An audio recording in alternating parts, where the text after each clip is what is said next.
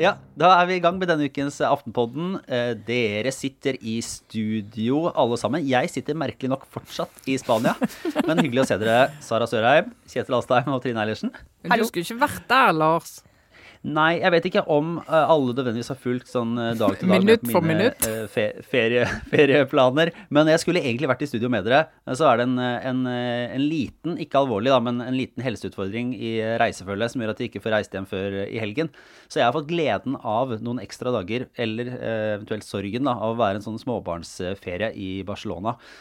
og har nå fått fyrt meg opp på en sånn trang by, 30 grader og oh, Airbnb. Så jævlig. Vet du hva, Det må jeg bare si at Unnskyld, ass, men eh, nå må du gå ut av kroppen og bare ikke kjenne etter hvordan du har det. For at uh, babyer i Barcelona liksom Barnevogn i Barcelona. Det er det verste stedet jeg kunne tenke meg vært med små barn. eh, I 30 grader, og så er det jo enormt mange mennesker. Barcelona er ødelagt av turister. Går ikke an å være der Ja, lenger. det er, men det er jo fint, altså det er fint du har stranda der. Det er kort vei ned. Ja. Og så er det jo masse god is. Ja, men du blir jo rana på vei ned til Men, stranda. ja, Det er problemet. Du, Har ikke penger til å kjøpe is. du må ikke drive og slenge rundt med verdisakene, Sara. Ja, men kos deg, Lars. tilstander. Nei, nei. Spanske Ja, ja, nei, tilstander. Ja, ja, altså, ikke kos deg. det Nei, nei, nei. Vi kan si det starta i går, da, bare for å gi et lite bilde av hvor jeg på en måte har vært, og hvor jeg nå eh, kommer i løpet av denne eh, fine lille stunden med podkast. I går ettermiddag så sto vi da eh, to voksne, to veldig små barn, i en stappfull leiebil, ulovlig parkert foran en leilighet som vi hadde avtalt at skulle være vår Airbnb. Etter å ha stått der i ti minutter, eh, etter at vi skulle ha tatt over, fikk vi beskjeden The apartment is no longer available.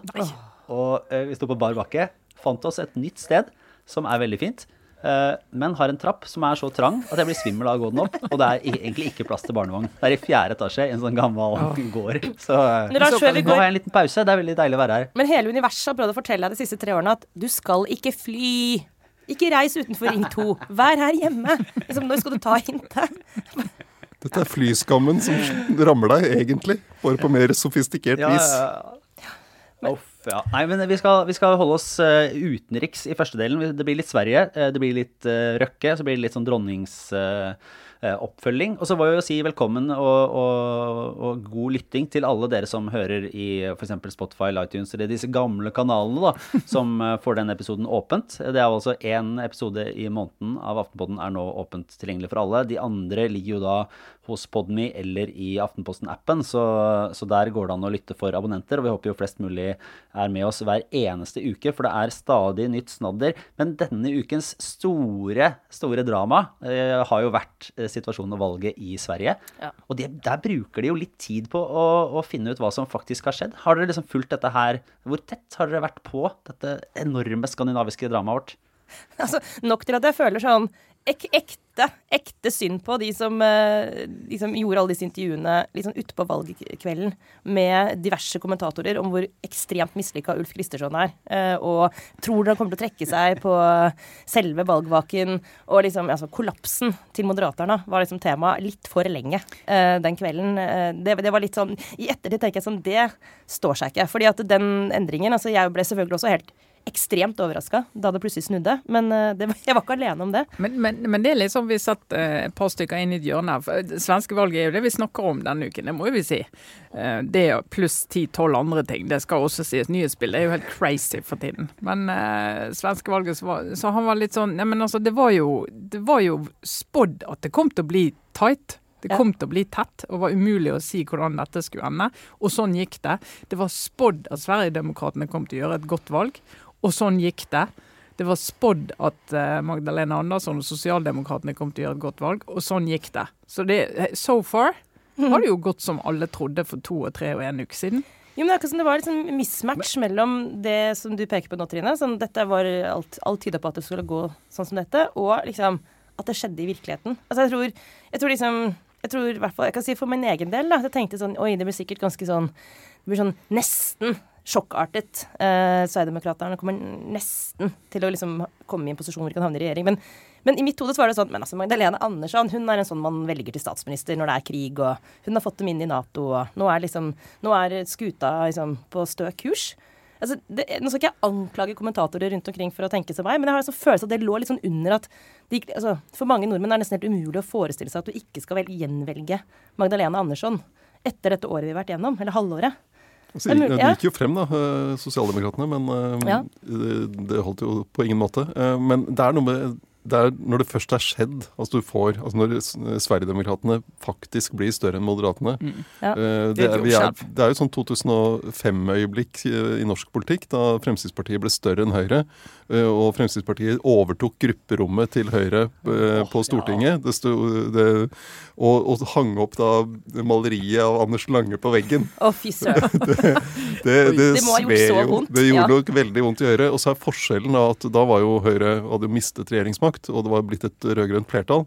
Men nå skal jo disse prøve å, å finne ut av å styre sammen på et eller annet vis. Ikke med Sverigedemokraterna i regjering, men som partner på, i Riksdagen. Mm. Og det, de, Den gangen eh, så hadde jo eh, Høyre og gjengen eh, sentrum gikk jo til valg på at de ikke også bl.a. at de ikke skulle regjere med Fremskrittspartiet. Så de var jo utenfor hele tiden. Men de har jo endret mening i løpet av de åtte årene de har satt i opposisjon, og så kom Frp i regjering. Mens i Sverige så er de nå der at de sier OK, det er største parti, men vi kan ikke regjere sammen. Og hva løsning det blir, det er jo helt, helt uoversiktlig akkurat nå. Men det, er, det, er, at- det er jo skjedd mye i de andre partienes forhold til Sverigedemokraterna. Er Bare for noen få år siden, jeg husker en, en sånn partilederdebatt den gang. og og i, i flyktningekrisen. Og det eneste de andre partiene ville snakke om, var at Sverige er en humanitær stormakt. Mm. Og de, ikke, de gikk ikke inn i de, de problemstillingene rundt altså hva er vanskelig med integrering, hvordan, hva betyr dette i samfunnet. Så det, og der har det jo skjedd store endringer, i, når vi hører hva bl.a. sosialdemokratene sa i, i årets valgkamp. Ja, de har jo sannsynligvis flytta de andre partiene også. Eh, ikke bare fått en stor oppslutning selv, men tatt liksom debatten eh, stort skritt til høyre, eller hvilken retning man skal beskrive det. Men jeg bare tenker sånn, tenker dere at det er sammenlignbart med Frp? Altså, jeg mener den kløfta mellom Sverigedemokraterna og de, hva skal vi kalle dem for de, de, alle de andre, røkla, er jo mye, mye, mye, mye dypere. Gitt det partiets opphav, er det ikke det? Altså, er det liksom Jo, Ja. altså hvis du tar eh, Frp den gangen og kløften til eh, alle de andre partiene, så var jo den eh, den var jo brei, men Frp ble jo ikke mm, etablert med utgangspunkt i eh, innvandringsskepsis eller integreringsproblematikk. De hadde ikke røtter i nynazistiske grupperinger. Hadde ikke røtter Nei. i nynazistiske grupperinger, som er ganske vesentlig forskjell. Eh, sånn at Hvis du da eh, tar det og flytter det til Sverige og sier at Sverigedemokraterna har de røttene de har, og de har jo nesten hver eneste valgkamp, så er det jo sant, de har prøvd å rydde opp i partiet og vaske ut eh, slagg fra den perioden. Men det er jo alltid en eller annen gjøk som dukker opp og viser at eh, det finnes der enda, sånn at du får De, de blir, klarer liksom ikke helt å kvitte seg med det, selv om Jimmy Åkesson har jobbet seg opp til å bli en partileder som åpenbart i hvert fall hver femte velger i Sverige mener eh, har noe å bidra med. Eh, og så tar du i tillegg, dersom de andre partiene har vært i akkurat den saken, så har jo de helt inntil nylig vært mye lenger borte fra egentlig befolkningen sine bekymringer, velgerne sine bekymringer og Sverigedemokraterna sitt eh, ståsted i den saken. Sånn at kløften mye, har vært mye videre. Og så har jo, eh, har jo Sverigedemokraterna klart å gjøre det som Frp gjorde i Norge, som Carl I. Hagen har satt veldig ord på. Når han sier at vår oppgave er jo ikke primært å sitte i regjering, vår oppgave har vært å dytte Høyre og de andre lenger ut i en innvandringspolitikk som vi vet at folk vil ha. Eh, og det har jo både Arbeiderpartiet og Høyre har jo flyttet sin eh, innvandrings- og integreringspolitikk i takt med at Frp sin oppslutning har økt. Men nå ikke Nå, må de på en måte bli Nå må de få en mer faktisk innflytelse, mer enn en sånn sightguist, hva skal jeg si, retorisk flytte debatten. Dette valgresultatet betyr at de må, eh, de må få et eller annet litt mer konkret og litt mer håndfast. Og med de, med de både liksom mulighetene det gir, selvfølgelig, og litt sånn utfordringene da, for det partiet. Så hvor mye tror vi at de kan få vridd politikken nå, litt sånn konkret? Jeg tror de kommer til å få eh, en del gjennomslag på innvandring og integrering. Det er jeg ganske sikker på at de får. fordi at det er ikke altså Du kan godt si at kommentariatet og liksom eh, en del av debatten gjør at det har en kostnad, men ute hos velgerne så er det en forventning om det. Og Når du ser at de yngste velgerne i Sverige over 20 av de har stemt på dette partiet.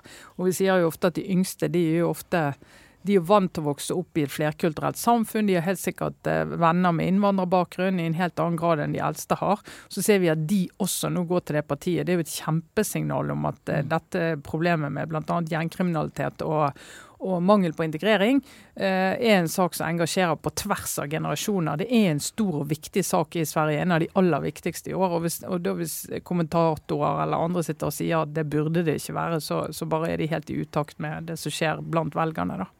Så blir det jo ekstremt spennende hva det å få reell makt og innflytelse gjør med Sverigedemokraterna. Eh, fordi selv om de ikke kommer i regjering, så vil de jo da bli klistret til, eh, til de beslutningene som tas og det, det de stemmer for. Og hvordan, hvordan vil de takle det. det. Og ikke minst vil det skje noe i det partiet med Vil noen ønske at de kanskje likevel skulle søke direkte makt, eh, sånn som jo da var, var den det som skjedde i Fremskrittspartiet med overgangen fra. Hagen til Siv Jensen. Ja, og selv om det sikkert var egentlig bare litt ment som et forhandlingsutspill, så sa jo Jimmy Åkesson på valgnatta, på valgvaken i talen sin, at han vil inn i regjering.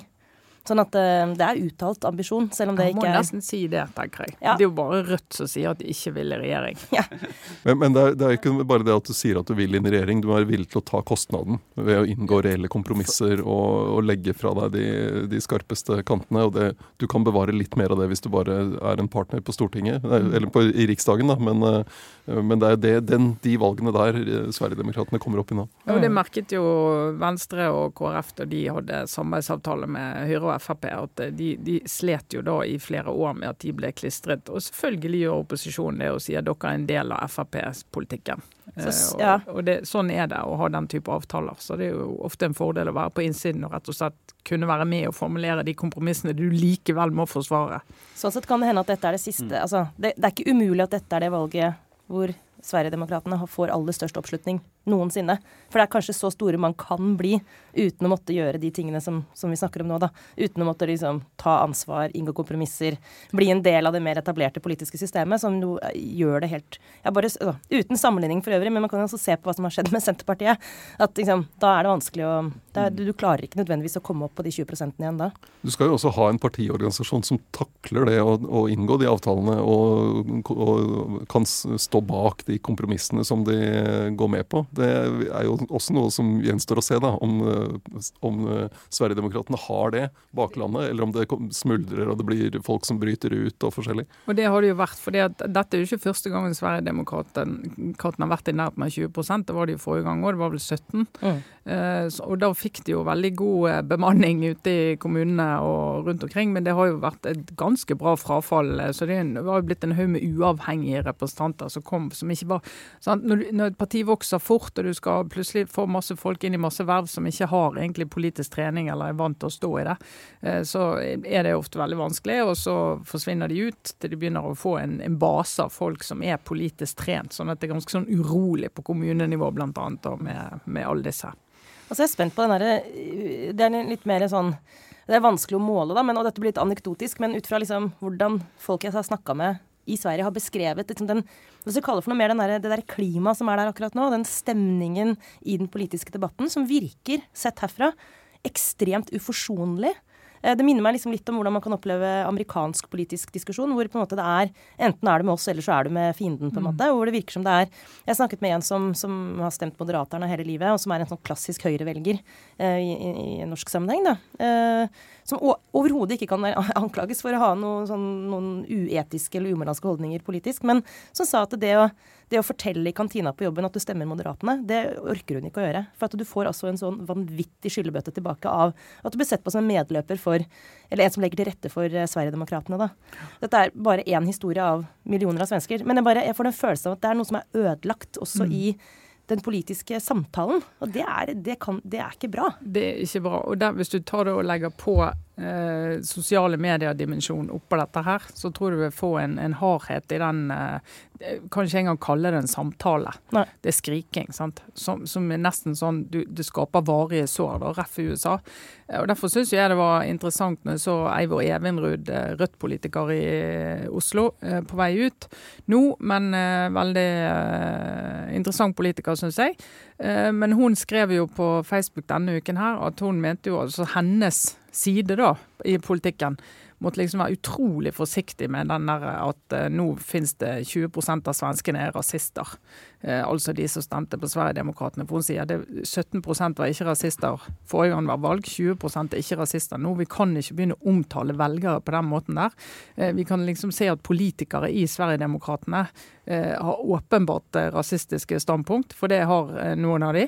Eh, og du må kunne påpeke det, men å begynne å snakke om svære velgermasser og si til folk så ja, stemmer Moderaterne eller stemmer noe annet, og begynne å karakterisere de, da klarer ikke du å se at det er en grunn til at de stemmer det de gjør. Og det er det du må være nysgjerrig på som politiker. da fritt gjengitt. Men eh, hvis vi går videre, går hjem, som man, eh, som man sier. Så den andre Nå vet jeg ikke helt, for jeg sitter jo litt sånn eh, fjernt, men det jeg oppfatter som den andre store snakkisen, Kjell Inge Røkke, flagger ut, melder relativt. sånn at eh, Det var ikke noe sånn sviende oppgjør med Norge akkurat. Men, men eh, da en av Norges absolutt eh, rikeste velger å flytte til Lugano i Sveits fordi det er så fint der. Det er fint der. Jeg har vært der. Det er kjempefint faktisk. Har du, Dro du dit for å spare skatt? Ja, altså jeg er jo veldig glad i å reise til trygge land på ferie. Altså, jeg, land med fortau. Ja, så jeg liker jo ikke jeg, jeg, er ekstremt, jeg er veldig redd for å bli matforgifta for øvrig. Sånn at eh, nå, dette er ikke tema. Sorry at jeg tar oss på tur. Men Sveits er et veldig sånn fint land for oss litt engstelige å dra på ferie til.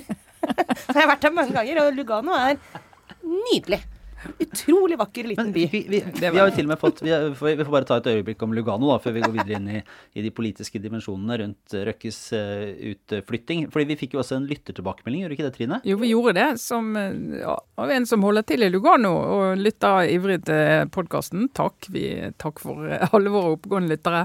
Uh, og, og, mente at uh, nå ble Lugano ble litt sånn snakket ned, bare som et simpelt skatteparadis, mens han bodde der og mente at her måtte vi se for en fin plass plass det var å være da, for folk som trakk seg tilbake.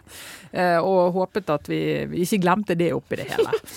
og et poeng fra den, eh, den, lytteren var jo at uh, dette er jo ikke noe sånn Monaco. Uh, det er mer uh, Dette er Milanos Er for Milano det Drøbak er for Oslo. Ja, var, han var med der, så det var ikke liksom de store yachtene som ligger nede i havna. Og, ja. Men dette blir jo interessant, da. For, for nå, nå, dette handler mer om norske skattekroner enn Lugano, selvfølgelig. Men det er jo også litt interessant hvis de Det er mye gamle penger i Lugano, altså. Lugano er det er gamle pengerby. Vakkert, vakkert, vakkert. Altså Hvis Røkkestad kommer komme dit og bygge seg nok en sånn derre ekstremt uh, stor Reketråler? Ja, altså, på, sånn. på fjorden her oppe? Nyrikt. oss eller reker deg, vel? Noe sånn nyrikt, vulgært eller sånn derre ja, Bløtkakehus. Bløtkakehus. Ja. Det kan jo bli en uh, utfordring. Men tipset fra denne lytteren da, var at det var viktig å lære seg italiensk, særlig for å kunne uh, spørre om hvor får jeg tak i vaskepoletter. For det hadde, hadde denne lytteren slitt med i Lugano. Veldig bra. Men eh, nei, altså han sendte brev til sine ansatte, Kjell Ingerøyke da, eh, i Aker-systemet, og sa at eh, nå drar jeg, gir huset til min kone og drar. Eh, og da, da når jeg så det, så tenkte jeg åh, nå vet jeg akkurat hva som skjer det neste døgnet. Det er så forutsigbart, det som skjer. Og det er noe greit. Folk må liksom bare For det første så skrev han jo ingenting om begrunnelsen sin for å gjøre det i det brevet. Nei, men det kunne man jo tenke seg til. Da, ja, ja, men, men, det er fascinerende hvor kjappe folk er med å gå inn i hodet hans uh, og si at det er derfor. Men nå har jo da også Øyvind Eriksen, hans uh, kumpan i Aker, kommet etterpå og bekreftet at jo da, skatt var en viktig del av saken. Ja, men det er klart saken. det er en viktig del av det. Men det er bare fascinerende hvor kjapt ja. likevel folk er med å hoppe på det. da. Eh, og så er det jo eh, Så stopper jo ofte debatten sant? i den der at eh, no, no, Han vil ikke bidra, han vil ikke betale skatt til Norge. Tenk alt Norge har gitt han, og han vil ikke bidra. Eh, og det går an å diskutere eh, formuesskatt, og jeg tenker vi skal diskutere det i sammenheng med alle de andre skattetypene på formue. Arv, eiendom. Alt dette bør vi diskutere sammen. Men akkurat denne skatten her er altså så rød klut. Eh, enormt sterke følelser eh, rundt akkurat den skatten. Men det er ikke så rart òg, for det er jo det er liksom altså, det er jo samfunnskontrakten, da. I Norge vi betaler skatt, og vi betaler jo alle sammen såpass mye skatt at det er liksom Hvem har ikke sett på lønningsseddelen sin innimellom og banna inni seg og tenkt sånn Fy fader, nå det, Jeg betaler så sjukt mye skatt. Og så tenker man sånn Det gjør jeg med glede. Indre stemmen sier sånn, jeg er en del av dugnaden. Men det er bare det at når noen stikker av fra den, så er det akkurat Det, det er litt sånn som når noen skulker dugnaden i borettslaget. Ja, jeg, sånn, jeg er helt enig med deg, Sara. og Det er, en, det er emosjonelt, sant? Nullskattytere. Det er jo ingenting som kan gi mer eksem når du, som du sier, du ser at halvparten går i skatt, og, og vel så det av og til føles det som. Eh, men så er det jo eh, hele det der tekniske med formuesskatten. Altså, jeg mener jeg er for skatt på arv, jeg er for skatt på eiendom. Jeg mener er altfor lite skatt på eiendom sånn nasjonalt. Burde vært mer. Eh, For det er et helt sånn riktig formuesobjekt å beskatte i mitt hode. Eh, Og det er ting du har uavhengig Altså Da har du stort hus, er sannsynligheten for at du har god råd, er ganske høy. Mm. Eh, og du går til og med an å ha geografiske forskjeller på det, for et stort hus i Oslo er noe annet enn et stort hus et annet sted. Sånn, at liksom, sånn er det. Men akkurat formuesskatten, det er jo noe igjennom med at den skal du betale uavhengig av hvordan det går med den bedriften du, Ja. Eh, du er eier i. Eh, og som eksempel her med Aker, som sier at de må gi ekstra utbytte for å dekke skatten til den av eierne som bor i Norge. Eh, Det er jo interessant å diskutere om det alltid er treffsikkert. Eh, Hvis målet er at du skal opprettholde arbeidsplasser og du skal ha norske eiere som har lyst til å investere i lokalsamfunn, f.eks.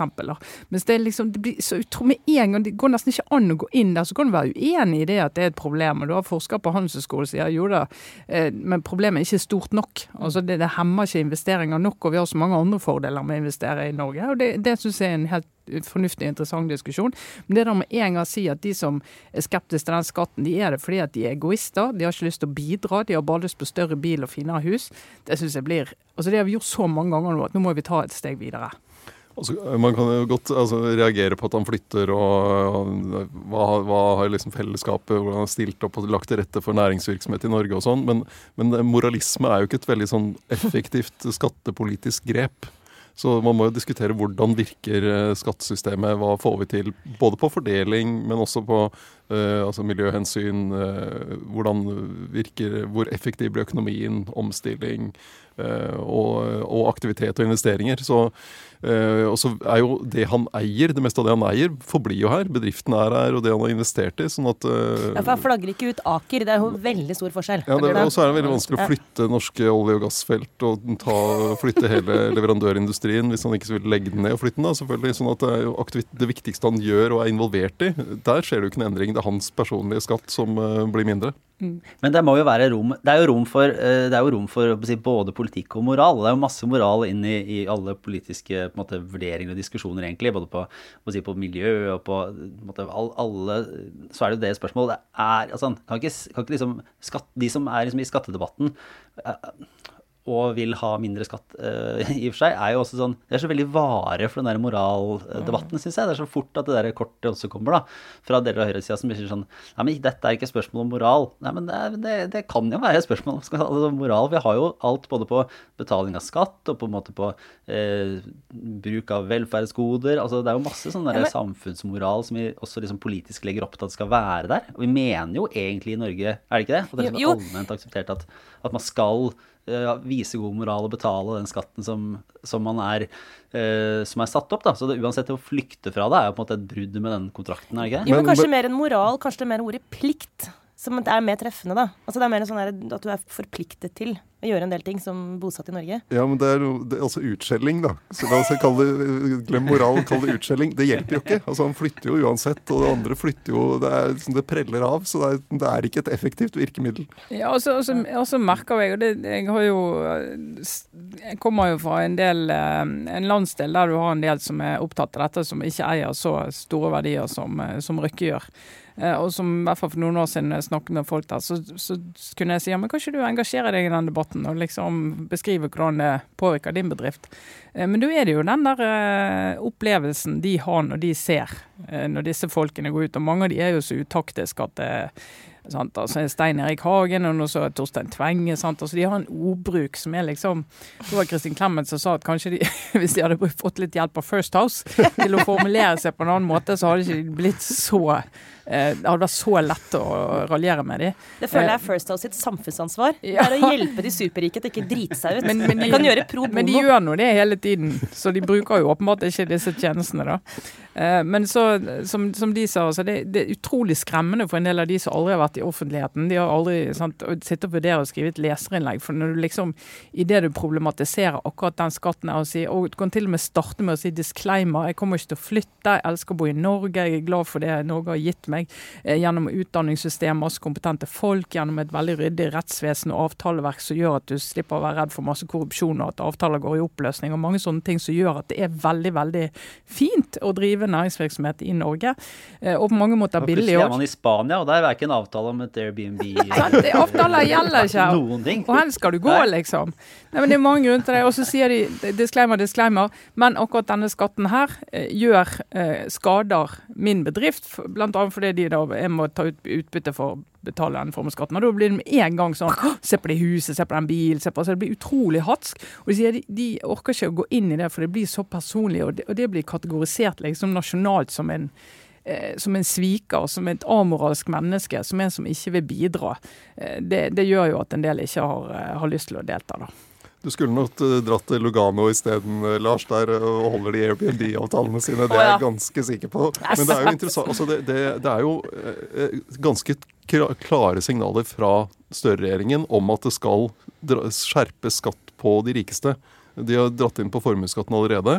De, det er en vurdering av dette det fritaks... Eh, altså det at hvis du flytter ut, så slipper du skatt etter fem år på en sånn, det som ligger igjen av kapitalgevinst. De, de, vurderer å stramme inn på det. Og du har eh, et uh, forslag ute på høring uh, som Jan Tore Sanner tok initiativ til, som handler om at du må betale mer skatt hvis du bruker privat sånne eiendeler som ligger i bedriften din, sånn som den svære yachten som Røkke bygger, og det privatflyet som Aker har. Og det er klart, Sånne ting har jo betydning, og så kan man godt mene at de er riktige og de burde bare bite i seg, men så gjør de ikke det, og så flytter de. så får vi finne ut, ja, Så kan du stå her og stryke på, ja. på Gardermoen og si 'din umoralske svinepels', og se om det hjelper, liksom. ja.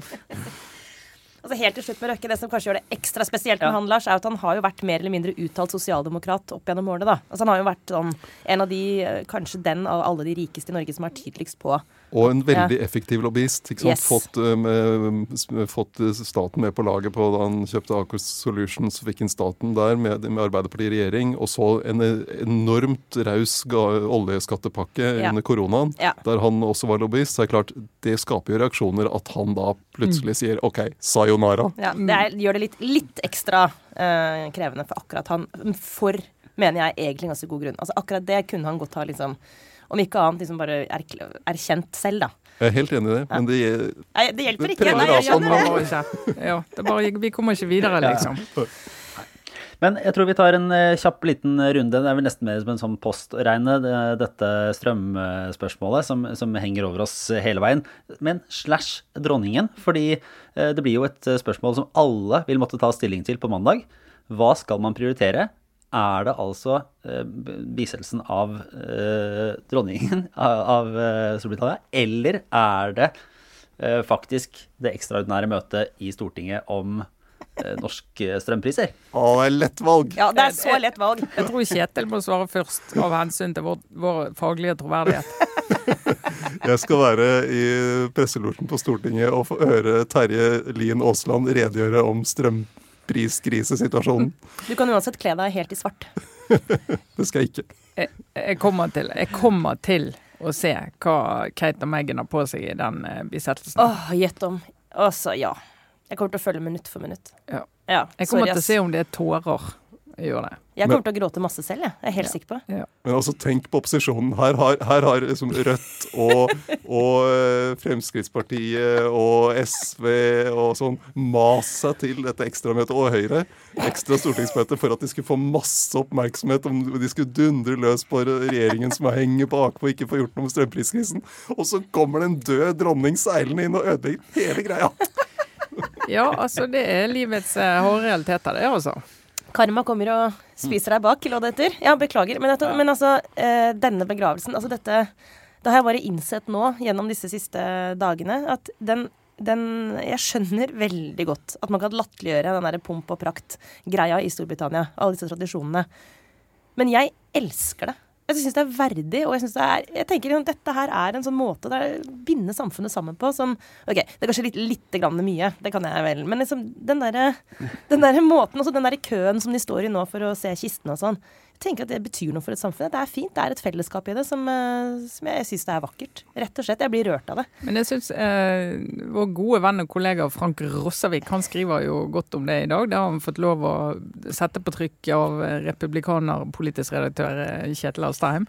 Der skriver gamle SV-eren Frank at han ble monarkist i 2002. I Düsseldorf. I Düsseldorf, eh, Og beskriver levende hvorfor han ble monarkist. Eh, men i hvert fall poenget til Frank er jo at eh, altså hele denne institusjonen og opplevelsen og følelsen rundt den erstatter jo religion for mange, da, uten ja. å legge for mye i det. Men hele den derre Det er et eller annet som er litt større, som er litt annerledes, som ikke er sånne der små uh, ja, alt det der eh, kjipe med det menneskelige, da. Mm. Det kan du på en måte Det er en høyere himmel, sant? En høyere himmel, og du kan samles liksom til noe som Men det har jo jeg tenkt på, for jeg er jo heller ikke sånn bare, bare, akkurat på det, eh, jeg vet ikke hvem som har det sitatet, men det er noen som har sagt at monarkiet er en ferie fra fornuften. Oi! Ja, og det, tror jeg, det trenger jo mennesket, sant. Ref dere som er så glad i drager i TV-serier. sant? Det er jo, jeg, Dere er voksne, rasjonelle mennesker, elsker å se på drager i TV-serier. Fint. Eh, og det er jo en pause fra all fornuft. Og, og, det må være lov. men, Noen ganger sier Trine hyggelige ting som likevel føles, føles som en ørefik. Nei da. Men, men, jeg har jo jeg har faktisk, jeg tenkt litt på sjøl hvorfor dette gikk sånn Grep meg mye mer enn jeg hadde trodd. Ja. Eh, da, denne veldig forutsigbare, må kunne sies, dødsfallet inntraff her i forrige uke. Og så merket jeg at det gikk veldig Jeg satt som BBC hele kvelden og leste alt, og så på alle bildene. og var Virkelig helt inni og fikk lyst til å se The Crown på nytt igjen. Så bare tenkte hva er det her for noe, liksom? Jeg er jo ikke helt på det hakket. Det her er så, det er så fjernt. Det, ja, det, er sånn, så fjernt, ja. Det her har skjedd.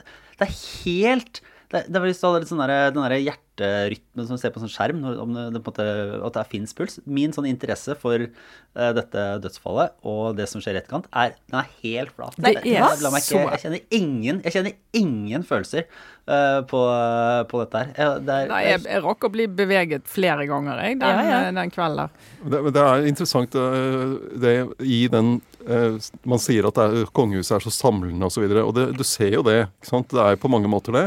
Men, men hun, altså hun, dronning Elisabeth hun tok over, hun var en liten dame som tok over et stort imperium. Mm. Hun dør som en stor dronning for en, et land som nesten ikke henger sammen. Mm.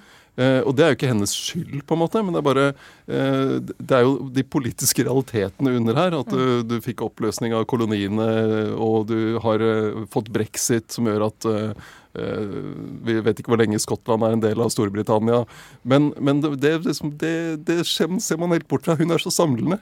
Eh, ja, Landa henger jo knapt sammen. Og, så er også, og, så er det også, og så er det også det man sier eh, De kongelige, det er så viktig symbolsk verdi. Og så kommer noen da og lager en debatt om ja, hva er det britisk hun har vært monark for? Jo, en, en ekstremt brutal kolonitid, blant annet. Og, kommer, og, da kommer de samme som sier at dronningen har så viktig symbolsk verdi, og sier ja, men det var jo politikernes ansvar. Det var ikke mm. hennes ansvar. Mm. Så, og Det er litt sånn typisk i hvordan vi forholder oss til monarkiet. Du lar dem være symbolsk for det gode og det, det fine, mm. men når det kommer til det som er vanskelig, så Nei, det, det, det putter vi et annet sted. Ja, og det, og det, er jo fascinerende, for det er jo hvis da denne monarken Forutsetningen er jo at monarken er veldig fjern fra det daglige politiske ordskiftet. Og så hvis de da en gang hvert tiende år f.eks. sier ja, som kong Harald gjorde, unnskyld unnskyld til samene for fornorskningspolitikken, så blir vi sånn Jøss, yes, endelig kom det en unnskyldning eh, for, for fornorskningspolitikken. Absolutt på tide. Eh, og så kan du si det burde jo hver eneste politiker sagt hver dag, eh, men han gjør det så, så, står det igjen, og det blir mye viktigere. Sant? Og når Elisabeth eh, tok noen sånne runder, så ble det liksom det står igjen. Så skal du tenke deg, Hvorfor er det sånn? Det er jo ikke rasjonelt. For det, det var ikke kongefamilien som innførte fornorskning. sant? Det var Nei, da, blir det på vegne, da blir det på vegne av samfunnet. ikke sant? Det blir på vegne av samfunnet, sånn at de får på, får på en måte æren av å gjøre opp for vår dårlige samvittighet. Ja. Og så kan de trekke seg tilbake igjen. og Så går det fem år til neste gang de sier at eh, er også de homofiles konge, eller hva det måtte være. Og så blir på en måte vi ferdig med den. og så. Det, det er litt sånn fascinerende. Men jeg tror akkurat nå, da, for min egen del, så tenker jeg det er hele denne verdenssituasjonen. Ja. At liksom alt er i spill, og du føler at det krakelerer rundt deg.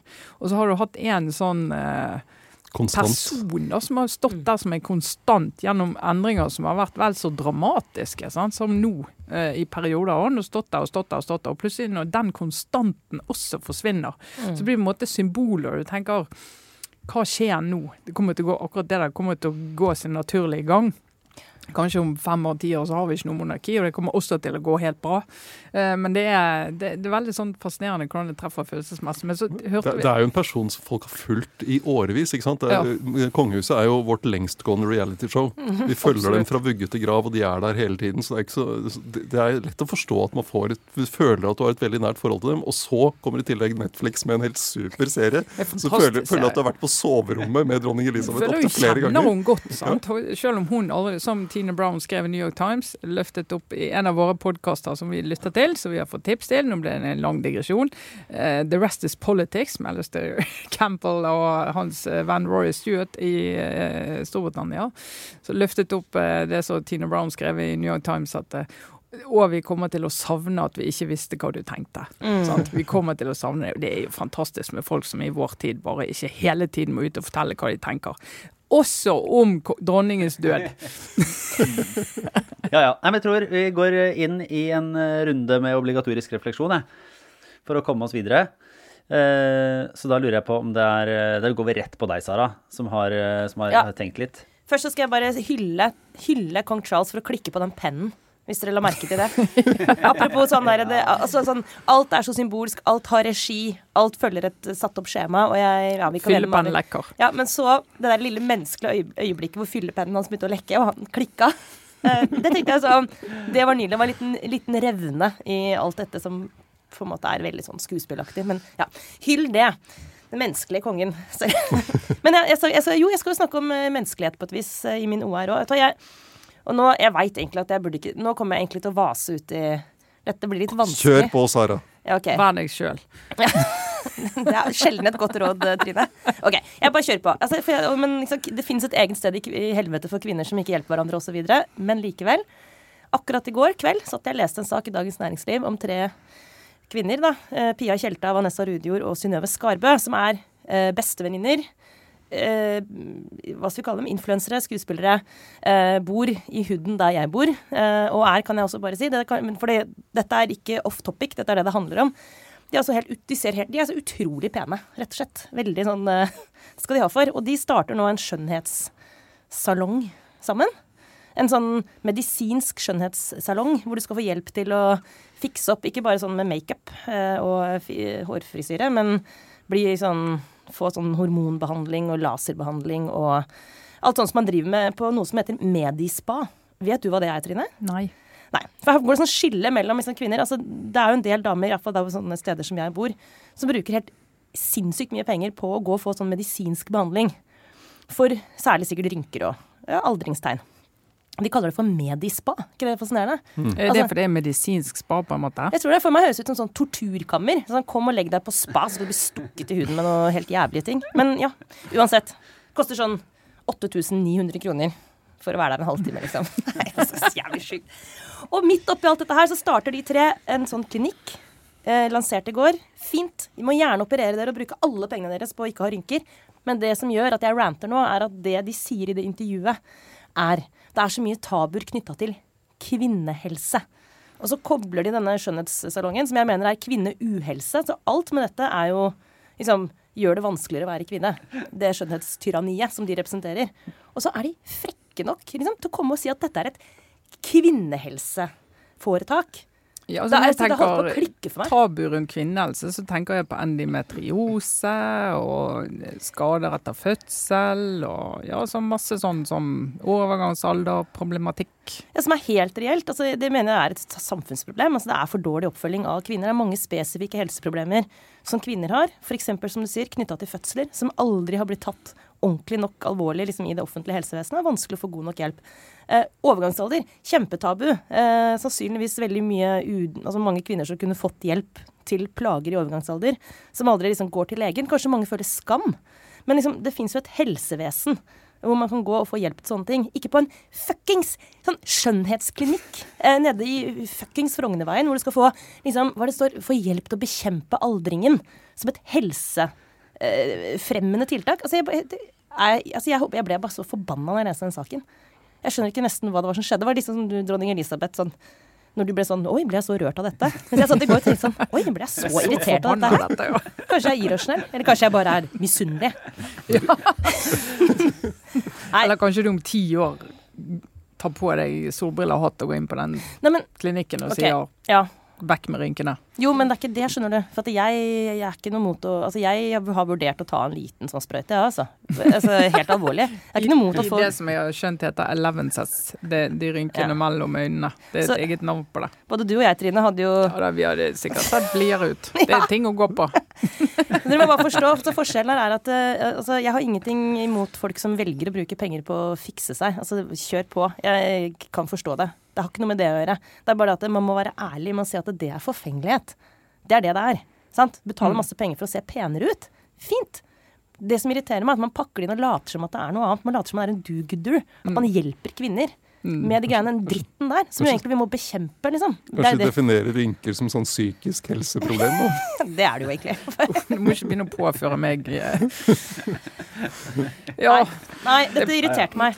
ja bra, Sara. Men kan jeg få lov å si apropos kvinnehelse, da, Lars? Absolutt, absolutt. Ja, for det er jo Nå skal vi inn i ordentlig kvinnehelse. Å nei. Nei, men Kjetil altså- bare sitter og blir stressa her nå. Nei, men jeg kom til Jeg har jo da lest Abida Raja sin bok 'Frihetens øyeblikk', den som kom forrige uke. Eh, kontroversiell utgivelse, fordi at eh, mye av det som eh, påstås og, blir fortalt i den boken, er under etterforskning. Sånn at det er fint at vi har en diskusjon om, om hvordan det er å gi ut sånne bøker. Men, det, men jeg må bare si, den boken her, som er utrolig sterk, har fått gode kritikker med veldig god grunn. Altså, hun forteller jo dette søsteren til Abid Raja, tvangsgiftet i praksis som 18-åring i, på landsbygda i Pakistan. dra tilbake til Norge med denne mannen. Eh, har jo aldri hatt lyst til å være med han på noe vis. Eh, gjør jo dette for å redde familiens ære. Eh, blir jo, ifølge boken, mishandlet fysisk og psykisk og på alle mulige måter. Eh, Men, og det er en forferdelig fortelling, egentlig. Men det som gjør inntrykk, for du vet jo at det finnes sånne historier, og det har jo vi hørt i over 20 år at det gjør, men det er jo de små referansene som han Håkon Høydahl, forfatteren i boken, har, om hvor omfattende dette er. Sant? Nå er det jo bygget et apparat som skal prøve å og hjelpe bl.a. unge jenter som står i fare for å bli tvangsgiftet. Men han snakker om at det har vært liksom 10 000 saker i en sånn relativt kort tidsperiode, og at det er fremdeles en problematikk rundt dette. Det, det, det er liksom bare sånn påminnelse om et volum som jeg tror vi andre som samfunn ikke helt har forholdt oss til. Eh, og det som denne boken forteller, er jo når en kvinne i denne situasjonen vil ha hjelp. Hvordan liksom et litt sånn stivbeint norsk barnevern og våre Nav-ordninger eh, måtte ikke klare å håndtere akkurat hennes tilfelle. Og det med at du ofte er økonomisk avhengig, og all bankkontoen står i mannens navn, og du har ikke tilgang på midler. Altså hvordan det påvirker livet ditt når du er mest i krise. Synes, og det gjelder jo alle kvinner som blir mishandlet og må rømme fra, eh, fra mannen sin. Eh, De, veldig mange av de har jo en økonomisk eh, binding til den mannen som gjør at de har ingen frihet. Eh, og, og bare å, se hvordan disse ordningene og disse systemene på en måte gjør det vanskeligere å bryte ut. Og så selvfølgelig det å bryte ut hvis du kommer fra en kultur med sterkt æresbegrep. Hvor det at du gjør det, det på en måte Du bryter med hele familien din, da. Eh, Du har ingen støtte, du har ikke noe nettverk, og gjerne du har venner som sier men herregud, alle har det jo sånn som du, hvorfor skal absolutt du bryte ut, nå må du skjerpe deg, liksom, gå tilbake. Eh, Det, det er så massivt, og det er en problemstilling som jeg bare må diskuteres. Og den prisen hun betaler for å fortelle denne historien er kjempehøy. Barna hennes eh, betaler en pris, og hele familien betaler en pris. Men det er helt nødvendig at de historiene fortelles, og at du går inn i liksom det der hvordan møter vi akkurat disse i den uh, situasjonen. da. Sterk uh, fortelling. Ja, Det går jo inn i en sånn serie med historier som kommer nå, som, vi, som handler om bl.a. en del folk som vokser opp i minoritetskulturer, og liksom hvordan, hva, hvordan de bare opplever at det er ikke noe vi klarer å favne helt om, altså, med de ordningene vi har i det ellers ganske velfungerende systemet vårt. da. Det er interessant og viktig. Jeg, har lest, jeg leste den eh, her denne uka, jeg også. Veldig, veldig god. Eh, To bare kjappe observasjoner der. Det er utrolig fascinerende og blir ekstra god av at hun er ganske åpen om sine egne på en måte svakheter, både som mor og på en måte hvordan hun ved å ikke klare å bryte ut også blir en liksom medhjelper eller medløper i et, det hun beskriver da, som en ganske sånn tyrannisk hverdag som er vanskelig også for familien. Og så er det på en måte sjokkerende å lese om hendelser som har skjedd altså Det er liksom i 2013, 2014, 2015. Altså dette er, dette er liksom helt parallelt med det vi vil se på ellers, da, som sånn, sånn alvorlig kraftig eh, på en måte modning av samfunnet og modernisering av samfunnet, så, så er dette liksom en beskrivelse som ikke er fra Det starter jo på 80-tallet, men det ender jo mm. virkelig inn i vår tid, da, mm. som er ganske sterkt å, å høre. Åssen eh, er det med deg, Kjetil? Eh, tar du med deg en obligatorisk refleksjon inn i helgen? Ja, altså vi har hatt et par uh, saker i Aftenposten nå de siste par dagene som om uh, pengebruk i, i, Oslo kommune. Uh, blant annet tolv ansatte fra velferdsetaten som var på Enge gård og drakk vin for 22 000 kroner på, i løpet av oppholdet. Og det jeg lurer på er er det formildende eller ikke at var, de var fra avdeling for rustjenester? Og jeg, jeg, tror jeg tenker ikke, egentlig. Og så har vi da sak nummer to, der det var eh, da oss, en annen Oslo-etat, etat i Oslo kommune, som var på Norefjell, eh, og som betalte hadde Prosecco-utgifter på 93 600 kroner. Den er så herlig, den saken. Og det var, og det var altså tolv flasker. Så det er jo 7800 kroner flaska for Prosecco. Altså, Da skal du ha champagne, hvis du betaler den prisen der. Ja, jeg tenker også det. Ja. Men det hadde jo de også tenkt da Aftenposten ringte for å spørre om dette. Og da hadde de gått tilbake og funnet ut ups, det var aldri så liten feilfaktor igjen. var faktisk ti ganger. Så ja, men hadde du ikke oppdaget det? Nei, vi, nei, men nå skal vi planlegge nytt seminar. Så da hadde vi nok gått gjennom de regningene fra i fjor. Og da tenker du, skulle ikke gått gjennom regningen når du får den, da. Ja, eller når du godkjenner den. Jeg tenker det er tips, det er tips her. Se på regningen når den kommer. Ja, og jeg vil nesten si, selv om det ikke er dine egne penger, men altså kommunen og skattebetalerne sine penger, da, så jeg, gjør det ingenting å bare ta en liten sjekk. Hvis du ikke er Kjell Inge Røkke som sitter på restaurant i Lugano og kan gi blaffen i om Proseccoen koster 7300 kroner eh, Han drikker ikke Prosecco, altså. Så eh, sjekk regningen før du betaler. Det er bare et lite tips. Ja. ja. Da kan jo jeg runde av med Egentlig først så vil jeg jo si at uh, Vinne alle også nå har åpent om at det blir liveshow tirsdag 11. oktober. Yeah. Så er vi på Sentrum Scene igjen og snakker om eh, det da eh, relativt ferske, rykende ferske statsbudsjettet som, som regjeringen har lagt fram et forslag om. Så det blir gøy å diskutere. Ja. Og denne uken har jo da Jonas Gahr Støre snakket til sitt eget landsstyre og fortalt om hvor tøft dette blir, hvor mye bråk det blir. Så det er masse å glede seg til. Masse bråk og tøffe ting vi kan snakke om. Ikke sant? Så det blir, eh, det blir krutt. Og så vil jeg bare komme med, da, siden, er, siden det har vært et litt sånn tema da, med, med uryddige land og forskjeller til Lugano fordi jeg har en, Det er mer en sånn personlig betraktning og uh, okking, kanskje. Fordi at det er en situasjon som stadig dukker opp på ferie, og det er den derre leiebilsituasjonen. Grøss som jeg mener at er en, eh, er en, forferdelig uting. Og kanskje fordi jeg ikke er så veldig sånn eh, bilinteressert i utgangspunktet, så får litt sånn eh, nerver av. Det er sånn, De sitter med så sinnssykt mye makt når du går fra flyplassen og har med deg masse greier, så skal du rote deg inn i et sånt parkeringshus og finne oss her. Og så nå med all Beklager gode lyttere som jobber i utleiebilbransjen, men der har veldig mange kollegaer og folk som er litt sånn surrete. Så det er alltid sånn at det er vanskelig å finne den rette personen, og så kommer det noen andre. Og eksempelet Spania står nede i en sånn svett parkeringskjeller og skal dra to barneseter ut av en sånn container. Det ser ut som det er henta rett fra fyllinga. Eh, og, og krangler på dette her. Inn i en bil som har, allerede har liksom 10 000 riper. Og du vet at liksom, hvis de bestemmer seg for at en, en, av dem ikke var der fra før, så må du ut med masse penger. Nei, det er en sånn avmakt. Det er litt som sånn håndverkere som, eh, som, som får beskjed om en sånn ting du må gjøre i huset eller sånt. Så, så sånn, bare begynner taksameteret å gå. Så er det, det er ikke membran her. Så bare Å nei. Mareritt. Googler membran. Så det er mulig, jeg lurer på om det reflekterer nok kanskje et eller annet med liksom min maskulinitet og forventninger fra samfunnet her. Men det er, det er i hvert fall De, de sitter liksom i bukta begge endene når, når, man skal ut på ferie. Og jeg, det, de har altfor mye makt. Kanskje, kanskje, du ikke bør dra på ferie? Ja, altså, hvor mange ganger må vi si det? Do not travel. Hold deg hjemme. Det er, det er det, eneste Eller, eller, dra, eller dra, til Sveits. Der er det sikkert sånn åpne, fine parkeringsplasser ja, der de gir deg en flunkende ny, blank bil. eh, som alltid er litt finere enn det du trodde. Kanskje vi kan få sånn nøkkel Hva heter det når man blir sånn æresborger? Kanskje vi kan bli æresborger av Lugano, som vi nå har snakket så pent om byen? Det håper jeg veldig. Da tar vi en livepodkast der. Ja, Ja. Konsul i Lugano, Sara Sørheim. Dere skal røkke være gjest. Ja. Ah, nydelig. Nei, men Da tror jeg at jeg skal fortsette i eh, den spanske virkeligheten. Dere får eh, løpe ut i hverdagen. Så takker vi alle som har eh, lyttet på. Minner om at de neste tre episodene ligger jo da lukket for abonnenter hos Podme eller på, i Aftenposten-appen. Så der går det an å lytte hver uke. Håper alle gjør det.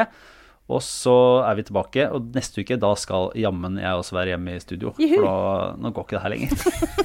Kom hjem, Så Lars. vi. Det var denne ukens Aftenpodden. Ha det bra.